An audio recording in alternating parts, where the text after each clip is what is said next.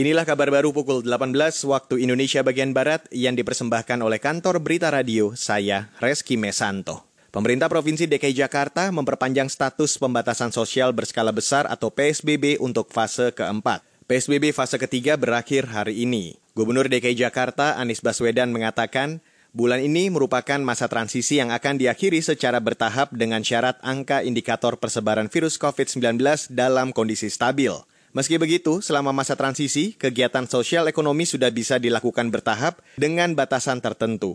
Sejumlah aturan PSBB akan diperlonggar, di antaranya rumah ibadah boleh dibuka untuk peribadatan rutin dengan memperhatikan protokol kesehatan.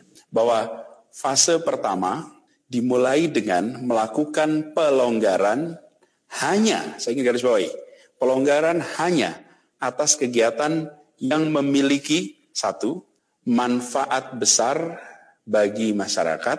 Dua, efek risiko yang terkendali. Ini di fase pertama. Dan kita berharap fase pertama ini bisa tuntas di bulan akhir bulan Juni ini. Gubernur DKI Jakarta Anies Baswedan menambahkan masa PSBB transisi dimulai 5 Juni 2020 hingga waktu yang belum ditentukan. Apabila pada masa transisi penyebaran COVID-19 stabil, maka masa transisi akan diakhiri. Sebaliknya, apabila kondisi belum stabil, maka masa transisi akan diperpanjang kembali. Selama masa transisi, kegiatan sosial budaya, olahraga sudah bisa dilakukan mulai Jumat besok.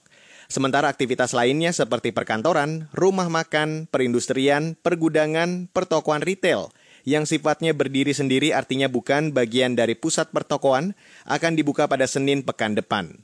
Begitu juga perpustakaan dan museum diizinkan dibuka untuk umum. Untuk tempat rekreasi akan dibuka mulai 20 Juni. Kita ke lantai Bursa Efek Indonesia, Saudara Indeks Harga Saham Gabungan atau IHSG gagal mempertahankan tren penguatan hari ini setelah sore tadi perdagangan bursa ditutup turun 24,3 poin atau 0,49 persen ke posisi 4.916. Mengutip data RTI, Bursa Efek semula dibuka di posisi 4.941 dan langsung melejit ke posisi 5.014. Namun penguatannya hanya sementara sebelum turun di kisaran 4.970-an. Menjelang pukul 14, bursa anjlok drastis ke zona merah dipicu pengumuman pemerintah DKI Jakarta yang memperpanjang pembatasan sosial berskala besar atau PSBB hingga akhir Juni. Sementara di Asia, pergerakan bursa bervariasi. Indeks Nikkei Jepang, Hang Seng Hong Kong, dan Straits Times Singapura menguat, sedangkan Shanghai Composite Index di Cina melemah. Pelemahan juga dialami bursa Eropa. Sementara itu nilai tukar rupiah juga menguat tipis terhadap dolar Amerika sebesar 0,26 persen ke posisi 14.089 rupiah per satu dolar Amerika. Sementara itu, Saudara Asosiasi Pengusaha Indonesia atau APindo keberatan dengan peraturan pemerintah yang mengatur iuran tabungan perumahan rakyat atau TAPERA. Apalagi bila diterapkan saat pandemi COVID-19 belum teratasi maksimal. Ketua APindo Haryadi Sukamdani mengatakan, aturan tersebut sangat memberatkan bagi pekerja maupun pengusaha mengapa kita harus membentuk badan baru menarik iuran lagi yang jelas itu pasti memberatkan pekerja dan juga pemberi kerja dan untuk sesuatu yang uh, apa ya itu kan pemupukan itu kan lama mas BPJS tenaga kerjaan itu butuh waktu 27 tahun untuk mengumpulin uang 350 triliun gitu loh. Dan itu 30 persen bisa dipakai gitu. Jadi kami dari awal sudah menentang keras ini ide yang menurut pandangan kami bikin tapera itu tidak pada tempatnya pada waktu itu ya. Kalau tujuannya adalah untuk pekerja.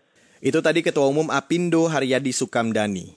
Sebelumnya, pemerintah memberlakukan peraturan pemerintah atau PP nomor 25 tahun 2020 tentang penyelenggaraan tabungan perumahan rakyat atau TAPERA. Dengan aturan itu, Badan Pengelola Tabungan Perumahan Rakyat atau BP Tapera akan beroperasi secepatnya. BP Tapera disiapkan untuk mempercepat pemenuhan perumahan rakyat. Dalam aturan tersebut, mekanisme Tapera adalah pemotongan gaji karyawan dan dimasukkan ke dalam iuran simpanan rumah subsidi. Besaran simpanan ditetapkan sebesar 3% dari gaji atau upah peserta. Dari jumlah itu, 0,5 persen ditanggung oleh pemberi kerja atau perusahaan, baru sisanya oleh pekerja sebesar 2,5 persen. Demikian kabar baru KBR, saya Reski Mesanto.